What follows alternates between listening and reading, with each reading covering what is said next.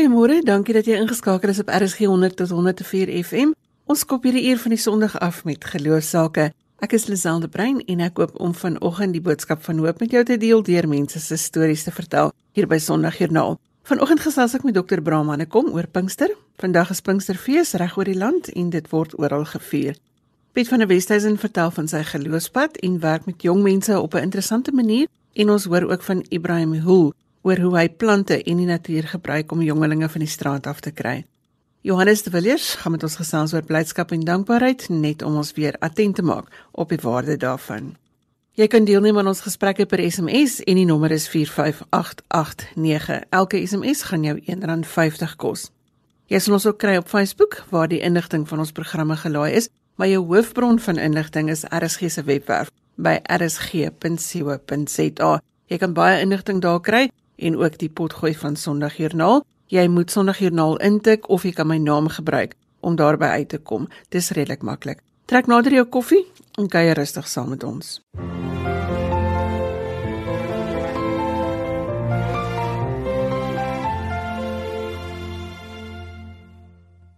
Dr. Bram, hy kom ons van die Sentrum vir Publieke Getuienis en ons gesels vanoggend oor Pinkster. Goeiemôre Bram. Goeiemôre Lisel en goeiemôre aan die luisteraars. Vandag vir die kerke reg oor die land Pinksterfees. Verduidelik vir ons die konteks van Pinkster.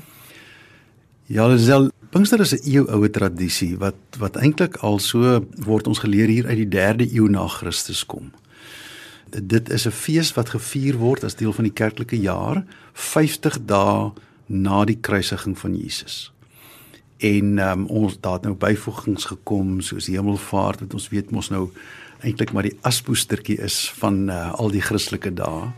Maar maar hemelvaart is daar en dan Pinkster.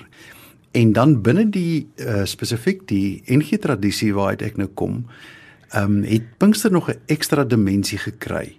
Hier in die jaar 1861 was daar 'n dominee van der Lingen in die Parel wat uh, ernstig begin bid het en met sy gemeente saam begin bid het oor herlewing. En toe op Pinksterdag Mei 1861 het hy self 'n visioen gehad rondom gebede en net na die Pinkster het daar 'n groot herlewing uitgebreek in die Parel.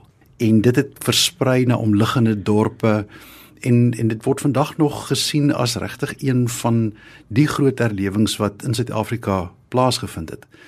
Na die gebeure het meer gemeentes gesê maar is dit nie fantasties nie kan ons nie elke jaar so 10 dae baie belangrik gebedsbijeenkoms hou waar ons spesifiek bid tot die Here bid vir herlewing bid vir ander sake en so het die tradisie nou meer as 150 jaar al met um, met met wonderlike verhale en stories het versprei oor die land ek was bevoorreg om Ja, ek het op hotel omtrent elke jaar in my bediening 'n Pinkster te hou, um, van die noorde van die land deur die Vrystaat tot in Namibië.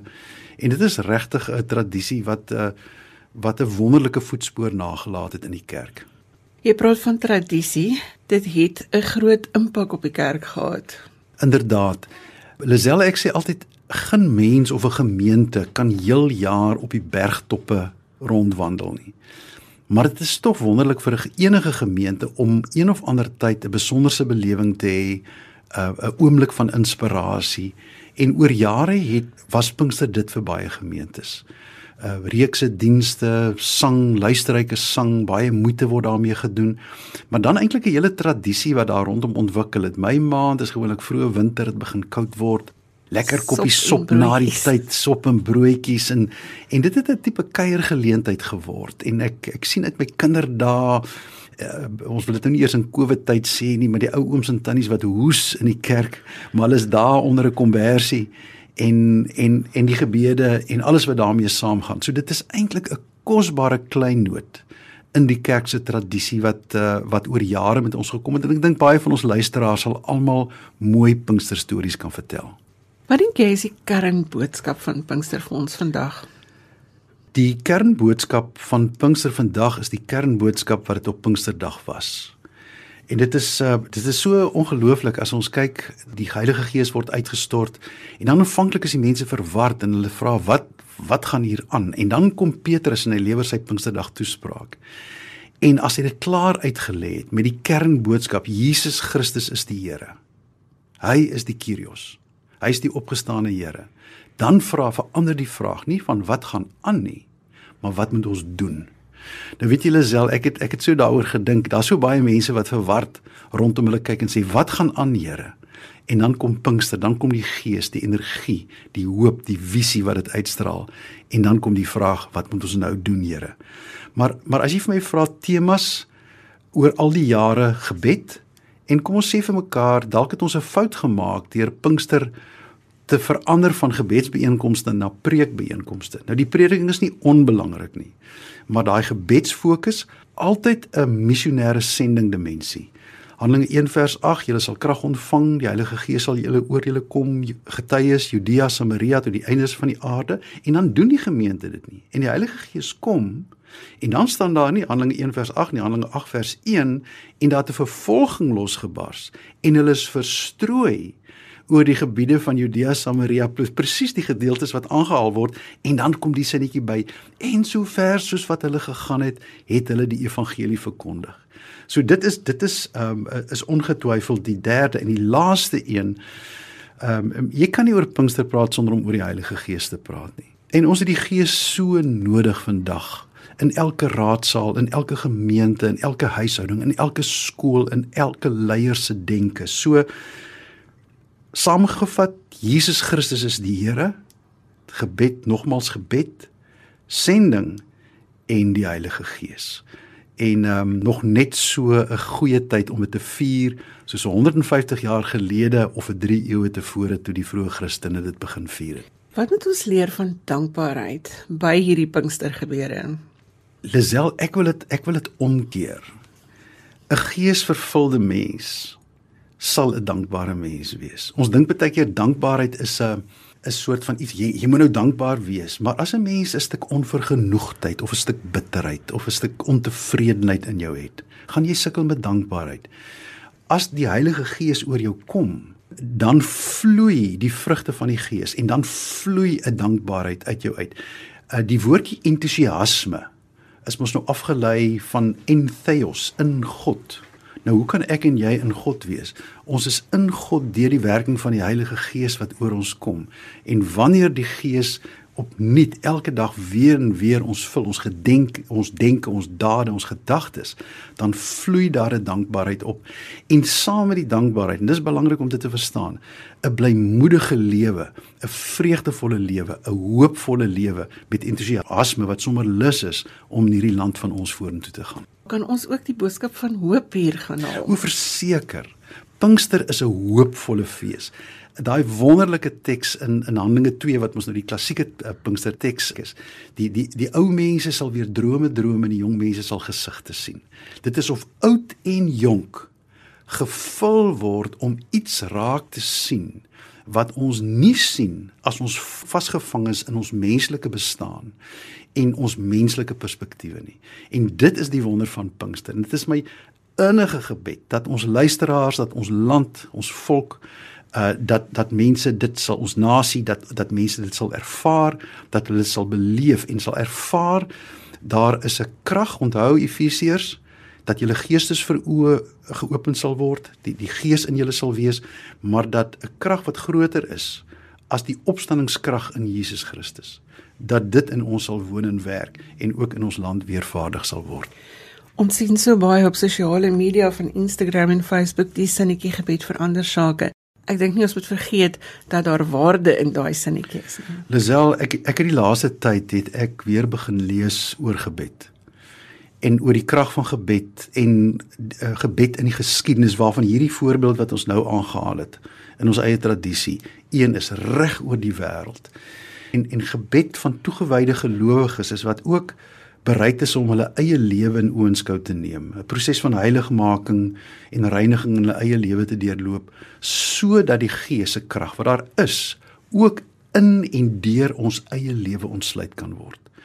En ehm um, weet jy as ek oor, oor hierdie goed praat toe jy my genooi het vir die gesprek wat ek het ek dadelike opgewondenheid ervaar. Dit is dis een van die kosbare kleinode in ons tradisie maar mag ons soos deur die eeue heen ook in en deur Pinkster altyd weer bekend word as 'n biddende kerk en 'n biddende nasie. Bram baie dankie vir die saamgesels vanoggend. Dankie Lisel en en baie geseënde Pinksterfees vir al ons luisteraars. Jy is ingeskakel op RSG 100 tot 104 FM. Ons bring stories met inspirasie, dankbaarheid en hopelik 'n bietjie menslike warmte. So ek hoop ons stories van geloof kan 'n verskil maak by jou vanoggend. Gaan maak 'n gerus draai op RSG se webblad by rsg.co.za as jy die naam of kontakbesonderhede van enige van ons gaste wil kry. Ek hoor graag van jou by 45889 teen R1.50 per SMS. Sê vir ons waarvoor is jy dankbaar?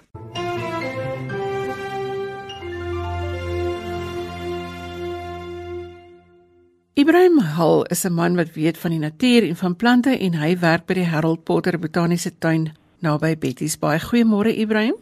Goeiemôre Lisel en ook aan die luisteraars. Vertel ons van jou werk by die Botaniese Tuin. My werk by die Botaniese Tuine is in Potter Botaniese Tuine in Betty's Bay en dit behels die oorsiening van die kwekery en ook die instandhouding van die tuin. Ek spandeer baie tyd met die versameling van verskillende plante en sade en ook verskillende diersoorte in die natuur vir die bewaring daarvan. En uit dit bied dit vir my die geleentheid om ander te leer, soos ehm um, kan ek sê my kollegas en ook ehm um, verskillende studente uit verskillende oorde. En dit ook bied ook vir my die geleentheid om met hooggeleerde professors te werk. Ehm um, byvoorbeeld as ek name kan noem soos Dr. Ernst van Jaarsveld het vir my 'n groot geleentheid gebied um, met hom te werk um, die vet van vet vet van spesialis en ook met uh, professor Eugene Moore botanist in die bome en om selfs met hierdie geleentheid het ek eh, 'n uh, geleentheid gekry om met hulle die land deur te toer met die verskillende plantsoorte wat ons uh, op die toer gekry het en maar soos ek kan sê dit is 'n geleentheid daarvan wat ek myself met kennis opgebou het, het hulle gesien, um, hierdie mannetjie um, hy hy weet waarvan hy praat en so. En uh, deur hierdie harde werk wil ek graag hierdie geleentheid gebruik maak om die jeug buite veral in ons gemeenskap in Klemont vir hulle net kan 'n voorbeeld kan wees en vir hulle sê ehm um, sonder keuse wat baie swaar is daar om ehm um, universiteit toe te gaan al wat ons wat nie hulle kan ehm um, bekostig om hulle kinders universiteit toe te stuur nie. Want ek um, as 'n leier vir hulle net kan wys deur jou kennis op te bou met dit wat rondom jou is te gebruik en persone soos wat ek in 'n posisie is om dit vir hulle maklik te maak, kan hulle ehm, 'n um, doel wat in hulle lewe bereik in die natuur. Ibrahim, wat 'n rol speel geloof in jou lewe? In my lewe speel geloof 'n baie belangrike rol. En ek dink as 'n persoon sonder dit as ons mensdom ook maar verlore. Dit gee vir my 'n standvastigheid en dit gee vir my krag om 'n nuwe dag te begin. En jy gebruik dan ook die plante om nou soos wat jy gesê het die jongens in jou omgewing van die straat af te kry en ook 'n geloofsinspraak in hulle lewe te gee. Dit is regles ja. Ehm um, met kinders wat ek beskik wil ek graag dit oordra aan die kinders in ons jeug hierso. Soos ek vir uh, soos ek sê in my loopbaan het ek ook verlore geraak as gevolg van My ouers kon dit nie bekostig om universiteit toe te stuur nie. En ek met die bewusmaking maak die natuur rondom ons wat geskep is deur die hande van God is verniet daar en dit kan gebruik word om 'n loopbaan naar uit te maak. Ek en my vriende wat in Kleinmond groot geraak het en um, ons het 'n klub begin met die ekologiese klub Kleinmond, ekologiese klub vir kinderorganisasies uh, wat genoem is die Strandlopers Eko Jeugklub en deur dit wil ons leiding gee aan die kinders in ons jeug. En ons het bymekaar gekom so naweke en gesien maar ons jeug is, is in 'n verdwaalde spoor, jy weet, met dwelmmisbruik en alkoholmisbruik. En ehm um, ons wil maar net hierdie ding net bietjie vasgevat het en gesien maar met ons ehm um, familiekinders het ons eers begin. En uh, later het dit begin dat ons dit groter raak. En ehm um, dit ons besef maar ons ons kan dit nie alleen aanpak nie, maar ons sal hulp nodig kry. En ons familievriende genader en vir hulle gevra of hulle vir ons kan help met hierdie ding. En met elke byeenkoms wat ons het, ons gaan uh, miskien 'n stap in die veld doen. Dan doen ons 'n gebed om dankie te sê aan God se skepping en so. En verskillende organisasies in Clermont het ons genade en gesien waarmee ons besig is en hulp gevra met uh miskien met die kus skoon te maak met um, recycling en so. En die kinders het nader gaan kan ons sien die kinders dit werk vrugte af. Die kinders het dit geniet en hulle is honger vir uh, jy weet vir inligting en so aan. Wat is dit wat vir jou dankbaar maak in die lewe? Uh vir my basies is die geleenthede wat oor my pad gekom het. Sonder dit sal ek ook nie ander geleenthede kon gebied het vir ander nie.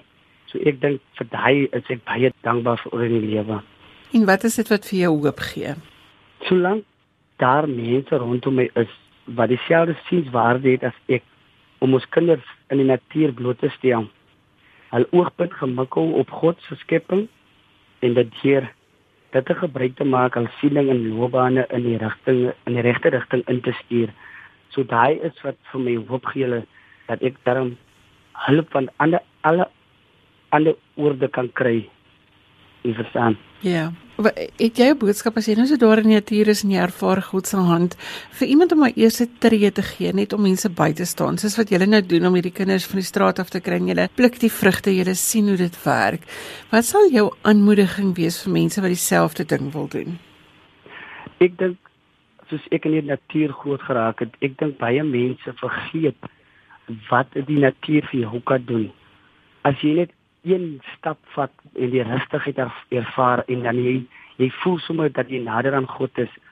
Vir plekke waar, waar ek stap alleen dan dan kry jy daai gevoel en ek wil hê mense moet ook 'n stapie vorentoe vat om 'n bietjie in die natuur uit te kom. Want ons mense is so verjaag deesdae met ehm um, werke wat jy moet doen. Jy moet geld in die huis bring. Maar ons vergeet die rustigheid van God wat rondom ons is die natuur want nou hier tussen die strate wat jy is met die lawaai van voertuie en jy weet mense moet bietjie wegbreek in die natuur uit te kom en dat, ek dink dan sal jy nader aan God op wees. Daar's so wonderlike plekke in ons in ons berge hier. Daar's woude, veral die woude wat vir my so terugtrek en te sê raak rus, rustig in jou siel. Want ons word so verjaag om geld in die huis te bring, maar ons vergeet om self rustig te raak maar ek dink die natuur is daar om vir ons dit te gee. Ibrahim baie dankie vir die saamgesels vanoggend. Baie dankie Liza.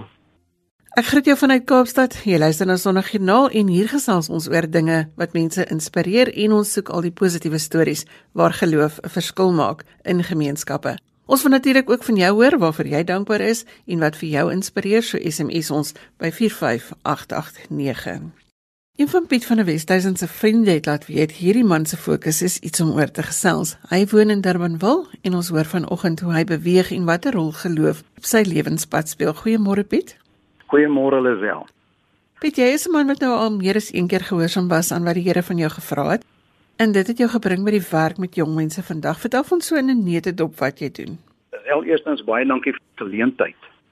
Ja, ons uh, ons gebruik trapkarre as die voertuig om met minder bevoorregte tienerseuns op pad te staan. Die program staan bekend as Vet Trapkarre. My mentor Pieter Beer het altyd gesê hy soek vet ouens. Faithful, available en teachable ouens. Dus dis die ouetjies wat ons mee graag wil werk is betroubare, beskikbare en leerbare seuns om die pad te staan. Vet Trapkarre het in 2012 begin met 5 seuns in Visantekraal en met een trapkar op 'n dakrak. Dit het gegroei tot die einde van 2019 tot ongeveer 70 seuns met agt trapkarre. Lisel ek het in die proses soveel foute gemaak, maar ook so baie geleer. Toe kom COVID, grendeltyd en die sport word heeltemal gestop. Maar ons is stadig besig om uit die modder uit op te staan soos een van die voorbidders te reggebid. Daar staan heelwat voorbidders en vier spanbestuurders wat my vrywillig bystaan. Hulle neem verantwoordelikheid vir 'n span van plus minus 6 kinders wat poog om een keer per week te ontmoet tydens die skoolkwartaal. Ons begin met 'n Discovery Bible Study, 'n DBS soos ons dit noem, met die seuns. En dit is regtig 'n ontdekkingsreis Bybelstudie. Dit is so lekker en verrykend want die Heilige Gees kry geleentheid om met elkeen te praat. En daar's geen druk om te preek. Daar word slegs vrae gevra. En elkeen kry kans om te antwoord. Daar word gebid vir mekaar en 'n paar verse word gelees. Elkeen kry dan ook kans om te sê wat hom diep geraak het. En dis hoe die Heilige Gees dan kans kry om met elkeen te werk. Maar dan word daar vir elke seun gevra en ook die spanbestuurder moet antwoord wat hy die volgende week gaan doen met dit wat hy nou geleer het. En die antwoord moet spesifiek wees, eenvoudig wees en klein wees. Die doel is om daders van die woord te word en nie net hoorders te bly nie. Dan begin ons ehm uh, trapkar oefen waar die kinders geleer word om veilig maar vinnig te bestuur, links te hou, regs verby te gaan, as 'n span saam te werk en sommer net daar al die woord toe te pas tydens die oefening. Ons het al soveel insidente gehad en dan kan ons maar net weer terugkyk na die woord wat ons die middag behandel het. Elke kind is uniek en word geleer dat hy verantwoordelik is om hom met homself te vergelyk en nie met ander nie. Dan geniet hulle dit so.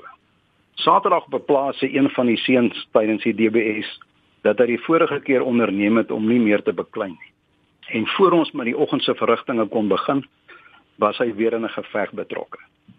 Kan jy dit glo dat hy voor sy spanmaats tydens die DBS die betrokke seun om verskoning vra en net daar word die verhouding herstel. Dit was vir my so kosbaar om dit te beleef. Verlede Vrydag onderneem ek om altyd bly te wees na aanleiding van 1 Tessalonisense 5 vers 16 tot 18. Maar toe daag die vervoer vir die kinders baie later op as wat ek verwag het. Ek moes maar bely, maar gelukkig staan daar in 1 Johannes um 1 vers 9 dat as ons ons sondes bely, hy is getrou en regverdig om ons die sondes te vergewe en van alle ongeregtigheid te reinig. En dis wat so bevrydend is hierdie. Ons kom eintlik agter dat ons al die beloftes wat ons so elke week maak, glad nie kan nakom sonder hom nie. En dat ons Christus nodig in ons het, die Heilige Gees in ons nodig het om ons te help om dit te kan doen. So dis so lekker. Piet nou geloof speel duidelik 'n groot rol in jou lewe. Hoe gaan jy daarmee om? Geloof is net mooi alles in my lewe Lisel. Ek sou my nooit kon voorstel om met tienerseuns besig te wees. Ek sou eintlik gedink dit is nog altyd mors. So die Here het met my 'n pad gestap, 'n geloofspad. Maar nou wil ek sommer net 'n gedeelte uit die woord uit uh, gebruik om miskien dit te verduidelik. In Efesiërs 2 vers 8 tot 10, wat 'n stukkie is vir my wat so kosbaar is, verduidelik hierdie storie so mooi. Vers 8 sê baie duidelik dat ons uit genade gered is deur geloof. Vers 9 sê nie uit die werke nie sodat nie een van ons ons op iets kan beroem nie. Maar dan is vers 10 baie interessant. Ons is sy maaksel Met ander woorde, ons is deur hom uitgedink, ons is deur hom ontwerp vir 'n spesifieke tyd en wonderlik aan mekaar geweef. En dan is hierdie ehm uh, maaksel van hom geskape in Christus Jesus tot goeie werke wat hy voorberei het sodat ons daarin kan wandel. Jy weet as ek ek het ek het lank gevat om hierdie bevryding te kry dat dit nie my werk is nie. Dis sy werk. En dit maak 'n mens nogal vry. Dat jy nie met hierdie geweldige las op jou skouers loop. Jy weet om werklik te besef dat dat dit sy werk is, ek is sy maaksel, ek moet hom eintlik net gehoorsaam in geloof volg. Jy weet dit het hierdie warrior vir Jesus wat jy nou ongelukkig verkeerd spel. Gehelp om in sy rus in te gaan. En as ek sukkel om party dinge wat ek moet doen nie gedoen kry nie of ek kry nie die parte partyts wat ek bestel het nie of daar's vir 'n sekere geleentheid wat ek goed moet aankoop nie genoeg geld nie dan rus ek in die wete dat dit sy werk is, dat hy dit op sy tyd sal klaarmaak en dat ek net aan hom moet rus. Dis amazingly bevrydend. Waarvoor is jy dankbaar in die lewe? Lisel, daar's soveel dinge waarvoor ons dankbaar kan wees. Maar kan ek dalk op een spesifieke uh, stuk geloof of 'n stuk dankbaarheid in fokus? Dat ek die voorreg het om met die Skepper van die heelal in 'n persoonlike verhouding te staan, is iets waaroor ek verskriklik dankbaar is. Lisel en ek praat nie van godsdiens hier nie.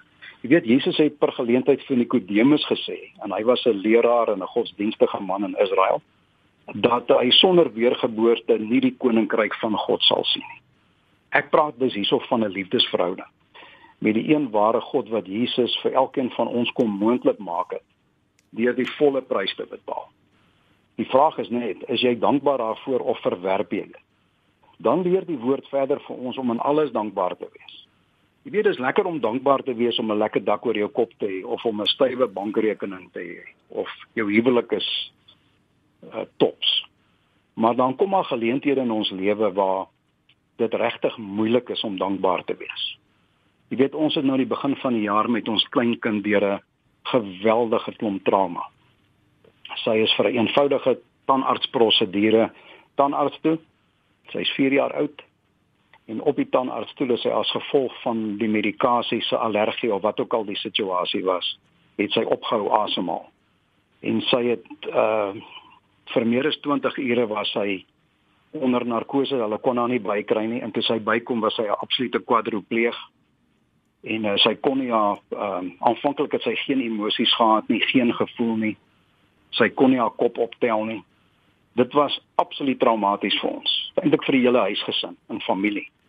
En om in daai situasie te weet dat God 100% in beheer is, te dankbaar is dat hy absoluut in beheer is, dat hy presies weet wat hy doen, dat hy nie goed sal toelaat wat nie ten goeie meewerk. Want hy beloof dit vir ons dat alles werk ten goeie mee vir die wat na sy wil geroep is. En dan om in daai net om in daai wete vas te hou dat dat hy in beheer is al gebeur wat. Uh terwyl jou hele vlees uitskreeu. Ja. So ek wil maar net sê as ons aan een vashou wat uh wat ons regtig regtig regtig baie liefhet, dan is hierdie lewe moontlik en is 'n fees. Baie dankie dat jy bereid was om vanoggend jou ervaring met ons te deel. Dankie vir die saamgesels.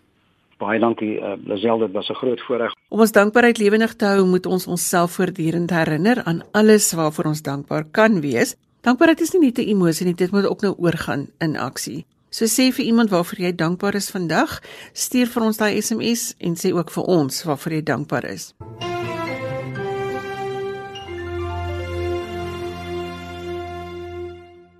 Elke nou en dan kuier daar iemand by ons wat met ons gesels oor dankbaarheid.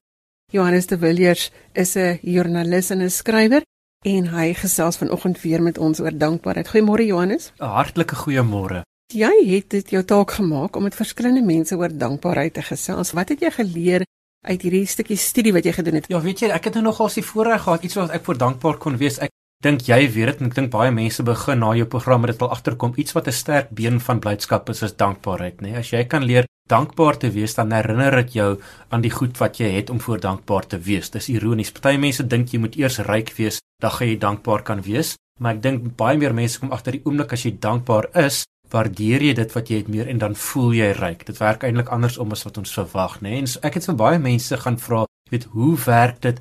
Wat 'n verskil het hoe het jy jouself geleer oor dankbaarheid en wat 'n verskil het in jou lewe gemaak? En die groot ding wat ek agtergekom het is hoe baie mense vir my vertel het, hulle moes besluit het ek is lus om dankbaar te wees. Hulle het nie gewag vir dankbaarheid nie, maar hulle besef dit verg werk. Hulle het gesien mense wat dankbaar lyk, hulle lyk gelukkiger, hulle glimlag meer, hulle slaap 'n bietjie beter in die aande en ek dink ek wil dit ook hê, so hoe kan ek dankbaarheid inoefen? Jy weet, ek wil vertel van 'n storie van 'n ou wat ek nie persoonlik ontmoet het nie, maar hy's 'n joernalis genoemd AJ Jacobs. Hy het 'n wonderlike eksperiment gedoen. Hy het besluit hy wil 'n dankbaarheid projek aanpak en hy het vir homself eendag gesit en 'n koppie koffie gedrink in 'n winkel. En hy het besluit ek wil nou dankie sê vir die mense wat my koffie gemaak het. Toe loop hy na die toonbank toe en hy sê vir die vrou wat verkoop het, weet jy, ek is dankbaar vir die koffie wat jy vir my gemaak het. En sy sê vir my, weet jy, eintlik moenie vir my dankie sê nie, jy moet vir die mense daar agter in die kombuis gaan dankie sê want hulle het dit gemaak. En hy loop toe kombuis toe en hy sê vir hulle, Hoorie baie dankie julle koffie gemaak. Toe sê hulle wel eintlik ons het maar net geskink jy moet die mense in die fabriek gaan bedank vir die koffiebone gerooster het. So hy ry toe fabriek toe en hy gaan bedank hulle. Hulle sê wel weet jy eintlik ons het dit goed maar net in 'n pakkie gesit. Die koffiebone is gepik daar in Kolombie in Suid-Amerika. Uiteindelik besluit hy hy gaan almal bedank wat met sy koffie gewerk het. Hy vlieg Kolombie toe gaan bedank die boere. Hulle sê nee, ons kan nie die goed plant as dit nie vir 'n ou was wat 'n trekker in Brasilië gebou het waarmee ons die lande ploeg nie. Hy gaan Brasilië toe Hulle sê maar ons het die staal uit Amerika gekry. Hy gaan bedank die mense daar. Later bedank hy die mense wat die geel strepe op die pad verf sodat die persoon wat middagete na die fabriek toe bring, dit kan aanry sodat die mense kan eet om die staal vir die trekker te maak vir die plaas wat sy koffiebone pluk sodat in die fabriek verpak kan word en hy kan drink en hy leer dit klink nou laf maar eintlik leer hy dat vir elke klein klein dingetjie wat in jou lewe gebeur is daar 'n enorme netwerk van mense wat saamgewerk het om dit vir jou moontlik te wees. Mos dink jy daaraan nie nê nee, jy gaan nou net nou opstaan uit jou bed uit en jy gaan ry waartoe gaan jy ry? Kerk toe of na jou familie toe of inkopiesentrum toe en jy gaan sê ek het inkopiesentrum toe gery of kerk toe Maar hoeveel mense het saamgewerk om dit moontlik te doen? Wie het daai pad gebou? Wie het die karre mekaar gesit? Wie onderhou die verkeersreëls, nê? Nee, wie sorg dat die verkeersligte werk? Wie het vir jou gevoed sodat jy gesond genoeg kan wees? En kan jy sê dat al daai mense saamgewerk het? Kan jy dankbaar wees vir hulle almal dat hulle jou veilig by jou bestemming gekry het? En dit was my nogal 'n nuttige oefening wat hy voorgestel het dat jy een dingetjie vat en kyk wie kan ek almal bedank hiervoor? Daai klere wat jy nou aan het, nê? Wie het almal gewerk aan die skaap wie se wol dit is? Persoon wat dit gebrei het, die persoon wat dit in 'n winkel die tol moes geslaan het sodat jy dit kon gekoop het ensovoorts. Dit is nou die koffie voorbeeld, maar jy het eintlik reg oor die wêreld self gaan soek na hierdie ja. stories van dankbaarheid. Ja, en weet jy, ek het agtergekom daar's vreeslik baie mense wat partykeer wakker geskrik moes word, nê? Nee? Ek het met een man gesels, hy was in hy woon in Servië. Servië is nou daardie ou Joegoslawië was, nê, nee, waar die groot oorlog was in 1990s, die wat oud genoeg was om onthou. Vreeslike wrede oorlog hy was as 'n spioen betrokke in die oorlog en toe sy gevang deur die Serbiërs. En hy sê hulle het hom die aand laat in sy woonstel gekom vang en hom met 'n sak oor sy kop getrek en hom in 'n lorry gesit en met hom weggery deur die nag en hy het wakker geword toe hy sak die volgende oggend van sy kop afhaal en hy knielend langs 'n gat staan, 'n massagraf en 'n ou met 'n geweer teen sy kop. En hulle sê die man het die sneller getrek en hy het omgeval. Jy weet, toe hy wakker word ruk later, kom hy agter maar die geweer het reg afgaan en die koel het nie gevuur nie en hier lê hy nou hy's dankbaar. En hy sê dis die vreemdste geval. Hy sê van toe af kon hy net nooit weer ondankbaar wees vir enige iets in sy lewe nie, want elke keer as iets in sy lewe gebeur, dan besef hy ek moes nie gewees het nie, ek moes nou dood gewees het. Jy weet, hy sal by die huis wees besig om die vloere te skrob. Meeste mense hard om die vloere te skrob. Hy het sê net, "Jesus, wat 'n voorreg. Ek kan nie wees om die vloere te skrob." Sy kinders sal met hom lelik wees en hy sal dink ek verdien dit nie. Ek moes dood gewees het. Hier is ek en my kinders is my lelik. Jy weet so hy het 'n oomblik gehad wat hy kon wat hom herinner het dat elke oomblik kan jy lewe ophou en jy moet elke oomblik dankbaar wees. Nou dink ek by myself, jy weet niemand het my nog ooit in die kop probeer skiet nie. Maar hoeveel keer het ek al die pad oorgesteek en 'n bus of 'n ding het my gemis met 'n paar sentimeter selfs sonder dat ek dit besef het, nê? Hoeveel keer het 'n klont dalk in 'n aar naby my brein verby beweeg sonder ek besef het ek moes eintlik nie hier gewees het nie, nê? Elke oomblik is 'n geskenk. As jy terugdink in die ou dae, jou oupa en ouma grootjie toe hulle voortrekkers was of wie ook al hulle was, hoeveel kinders het gesterf het? Hoe raar was die kans dat jy sou leef tot in jou volwasse lewe en hier is jy deur al jou siektes, deur al die goeters wat jy voel, vreeslike ontbering was al jou swaar kry. Jy het dit gemaak, jy's nog hierso. Net kan jy jouself eers op die skouer klop en jy sê, "Well done, hier is ek." En tweedens kan jy opstaan en besef hoe elke oomblik, die moeilike oomblikke ook, 'n gawe is want jy is nog steeds hierso om dit te ervaar. Dit klink nou nou jy weet nou sien die blinkkant van 'n slegte saak, maar eweslik besef jy dat die lewe nie gaan uit, jy weet, minder slegte oomblikke en meer beter oomblikke kry nie, maar net te waardeer dit wat oor jou pad kom want jy kon so maklik dit nie gehad het nie. Dit sluit my in by 'n aanhaling wat jy gebruik het, blydskap is eenvoudig, maar eenvoud is nogal moeilik. Ja, Ja, nee, net om om weet hulle sê 'n sekere sin om ryk te wees gaan nie oor hoeveel jy het nie, maar hoeveel jy wil hê, nê? Nee? So as jy vreeslik baie goed wil hê en jy het min goed, dan gaan jy baie arm voel.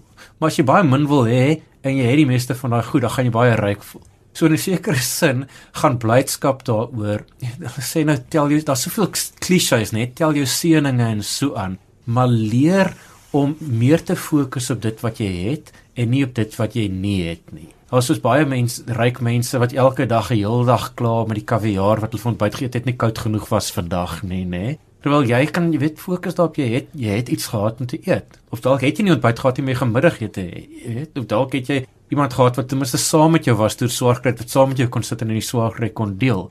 Daar's in elke oomblik kan jy gaan stil staan en jy kan sê wat is daar in die oomblik wat ek wel het om voor dankbaar te wees. Jy praat gereeld oor die geraas in 'n mens se kop, oor ja. die chaos wat in jou kop aangaan. Ja daai stil word proses. Hoe doen ons dit sodat ons hierdie dankbaarheid kan ervaar vir die klein dingetjies? Ja, dis interessant, né? Party mense glo my nie tot jy gaan stil staan en luister nie, maar hoe? Jy weet mos daar's konstante stem in jou kop wat met jou praat, né, wat vir jou vertel, o, daar stap daai een van wie ek nie hou nie, daar sou is daai ding wat ek graag wou gehad het, wat gaan nou môre verkeerd gaan? En dis verstaan met hoe groot deel van daai stem 'n stem is wat jou die hele tyd vertel wat verkeerd is in jou lewe, né? Waarvan het jy nie genoeg nie? Waaroor is jy spyt?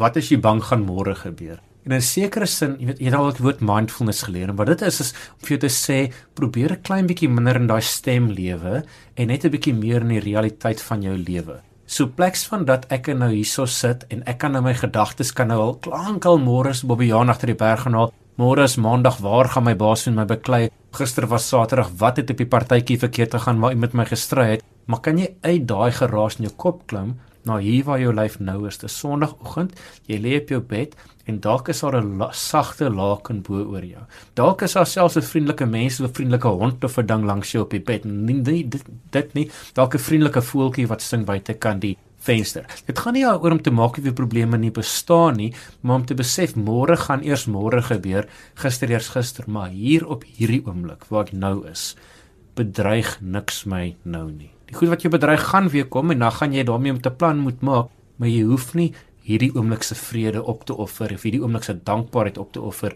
oor wat later en voorheen gaan gebeur nie. Johannes baie dankie vir hierdie gesprek oor blydskap. Dankie dat jy vir ons 'n studie daaroor gedoen het. Johannes is 'n bekende joernalis en skrywer en hy's ook 'n yogi wat vir ons leer om stil te word en om asem te haal elke nou en dan. En ons gaan binnekort weer met jou gesels. Dankie vir die saamgesels vanoggend. Dit was enorm lekker, dankie.